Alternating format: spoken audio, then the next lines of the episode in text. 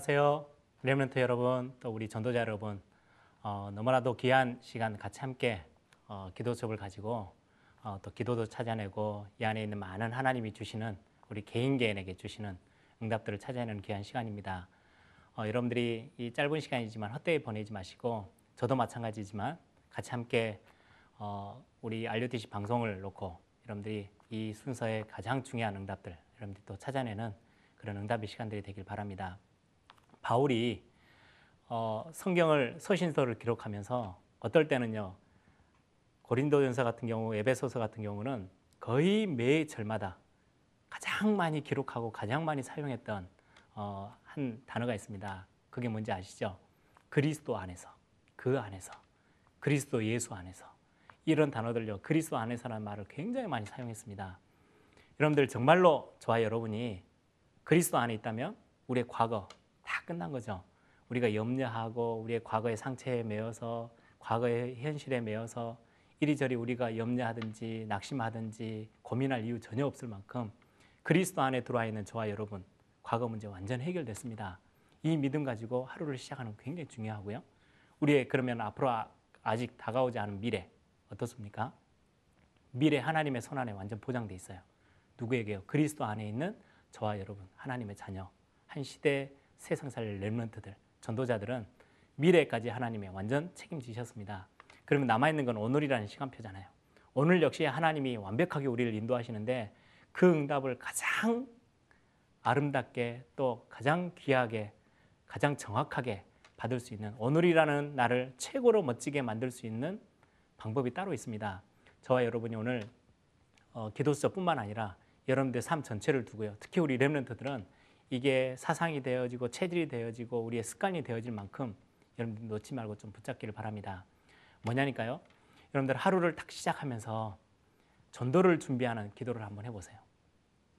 나에게 어떻게 전도가 되어지게끔 전도라는 하나님의 역사를 내가 어떻게 체험하게 될지 또 하나님의 어마어마한 축복이 담겨져 있는 전도라는 축복의 그 안에 들어가는 나의 삶이 어떻게 되어지면 될 건지 여러분들 전도를 준비하는 기도를 한번 시작하고요. 그래 놓고 여러분들이 하루 스케줄을 한번 쫙 적으세요. 아주 구체적으로 적으면 적을수록 이익입니다. 이게 엘리트의 규모를 만들어 나가는 데 굉장히 도움이 될 거고요. 그래서 여러분들의 하루의 스케줄을 쭉 적어 보세요. 학업 스케줄도 필요하고요. 여러분들의 하루 아주 어, 디테일하게 세밀하게 기록하는 게 굉장히 필요합니다. 그래서 스케줄을 정리하는 기도 그리고는요 그렇게 하다 보면 그 속에서 여러분들이요 다른 눈을 가지고 말씀을 보게 돼요. 그래서 오늘 제목이 오늘의 말씀이죠. 그냥 오늘의 말씀이 뭐지? 설교 제목 생각하고 이렇게 하는 거 하고요. 여러분들이 전도를 준비하는 기도와 함께 스케줄을 정리하는 기도를 여러분들이 하면서 말씀을 하나를 쳐다보면 이전에 보지 못했던 말씀 속에 하나님 굉장한 응답들, 하나님의 축복들을 발견할 수 있어요. 그래서 여러분들이 오늘 이번 한 주는요, 꼭 이것들을 한번 실천해 보세요. 전도를 준비하는 기도. 하루를 시작하면서 생각만 하셔도 됩니다. 나는 오늘 전도를 어떻게? 내 수준과 내 상황에 맞는 입장에서 내 삶 속에서 어떻게 전도를 그리고 그걸 놓고요 스케줄을 쫙 여러분들 하루 동안에 움직일 스케줄을 정리하는 만큼 구체화시키는 만큼 여러분들 응답을 발견할 수 있게 될 것입니다. 꼭 놓치지 마시고 오늘 한번 실천으로 한번 옮겨보시기 바랍니다. 오늘 본문입니다. 제목은 오늘의 말씀.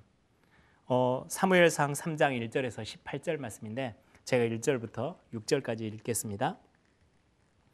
아이 사무엘이 엘리 앞에서 여호와를 섬길 때에는 여호와의 말씀이 희귀하여 이상이 흔히 보이지 않았더라.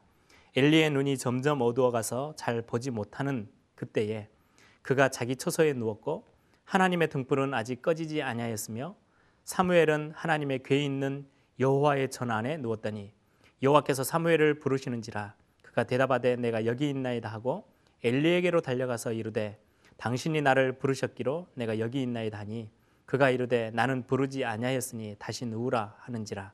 그가 다시 가서 누웠더니 여호와께서 다시 엘리 사무엘을 부르시는지라. 사무엘이 일어나 엘리에게로 가서 이르되 당신이 나를 부르셨기로 내가 여기 있나이다 하니 그가 대답하되 내 아들아 내가 부르지 아니하였으니 다시 누우라 하니라. 아멘. 하나님이 어, 사무엘을 어, 성전 옆에 있던 언약궤 옆에 있던 사무엘을 부르시는 장면이죠. 서론을 함께 보겠습니다. 우리 자녀와 후대에게 복음 엘리트의 언약을 심어야 합니다. 복음 엘리트는 아주 쉽습니다. 정말 복음을 가지고 한 시대를 장악해야 되는데 너무 귀한 이 복음을 어떤 그릇에다 담으면 되느냐? 아주 조금 조그만한 그릇에 담을 수도 있지만 우리가 한 시대를 살리기 위해서 우리 렘넌트들은요 엘리트라는 그릇에 이 복음을 담는 거예요.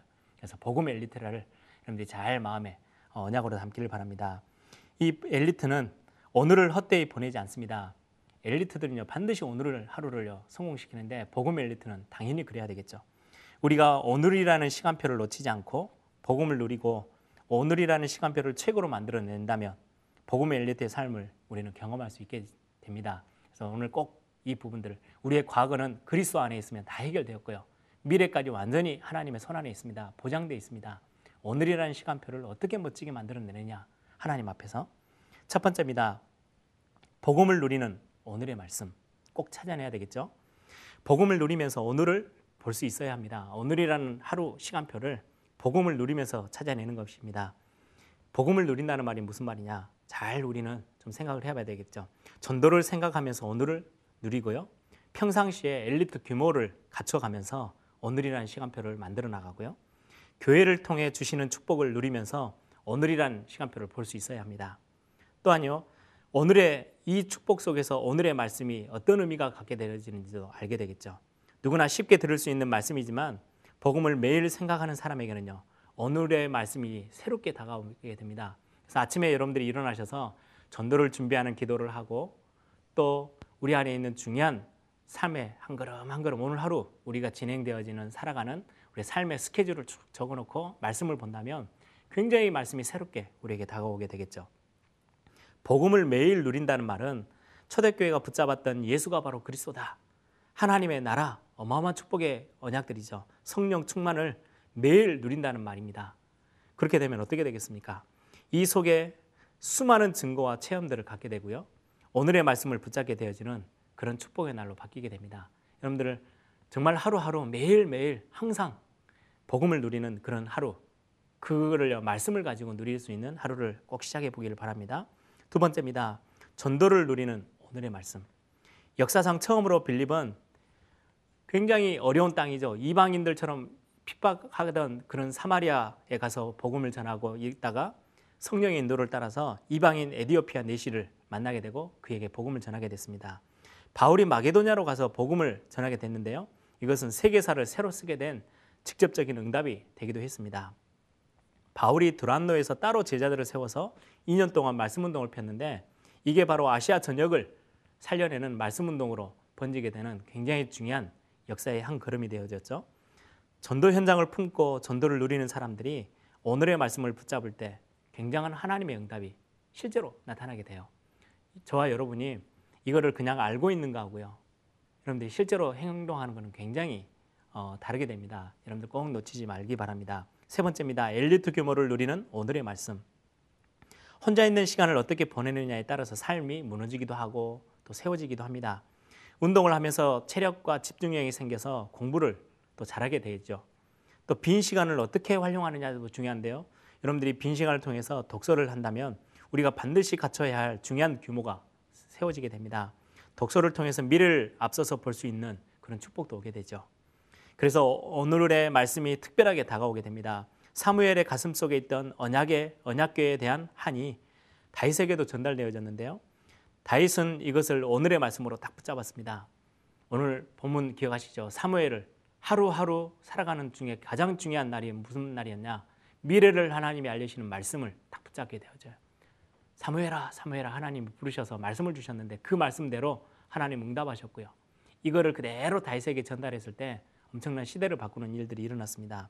후대에게 엘리트의 삶과 규모, 전도자의 삶을 제대로 가르치고 이들이 전 세계를 향해 도전할 수 있는 발판이 될 수 있는 RUTC를 놓고도 우리 마음 담아 기도해야 되겠습니다. 여러분 어, 오늘 하루 꼭 실천해 보셔요. 어, 우리가 알고 있는 거하고요 실천으로 옮기는 거하고는 굉장히 차이가 있습니다. 아 아침에 땀 흘려서 내가 운동하고 하루 중에 한 3, 40분을 내가 유산소 운동을 하면 건강에 너무 좋다더라. 다 아는 이야기입니다. 다 알고 있는데 실제로 시간을 내서요. 허리를 굽혀서 운동화를 신고 끈을 묶고 밖으로 뛰어나가 뛰어보는 또 빠른 걸음으로 걸어보는 사람과는 엄청난 차이가 있는 거예요. 아, 오늘의 말씀을 전도를 준비하는 기도와 함께 스케줄을 정리하는 기도와 함께 오늘의 말씀을 내가 봐야지. 그러면 하나님의 엄청난 오늘 같은 본문에 사무엘이 사무엘이 누렸던 이런 축복 나도 누리게 되겠지. 그렇게 알고 있는가 하고요. 실제 여러분들이 일기장을 펴고 기도 수업을 펴고 정말로 전도를 준비하는 기도와 함께 스케줄을 정리하는 그 시간들과 함께 말씀을 찾아본다면 완전히 달라지게 됩니다. 이런 실천이 우리 렘넌트들에게 반드시 필요하고요. 우리 전도자들은 렘넌트들을 꼭 가르쳐 주셔야 합니다. 이게 바로 오늘을 책으로 만드는 중요한 방법이죠. 포럼의 주제입니다. 오늘 내가 붙잡을 하나님의 말씀은 무엇인지, 오늘을 책으로 만들려면 무엇을 해야 할지. 여러분들이 오늘 같이 함께 포럼 했죠. 이거를 여러분들이 꼭 하루를 두고 실천에 옮기는 그런 중요한 하루가 되기를 바랍니다. 함께 기도하겠습니다. 좋으신 아버지 하나님, 복음 안에서 그리스도 안에서 우리에게 완전한 축복, 완전한 응답, 과거에 대한 또 미래에 대한 아무것도 염려하지 않을 만큼 완전한 축복을 허락하셨고 오늘을 완전 성공시킬 수 있는 최고의 답까지 하나님께서 우리에게 허락하셨습니다.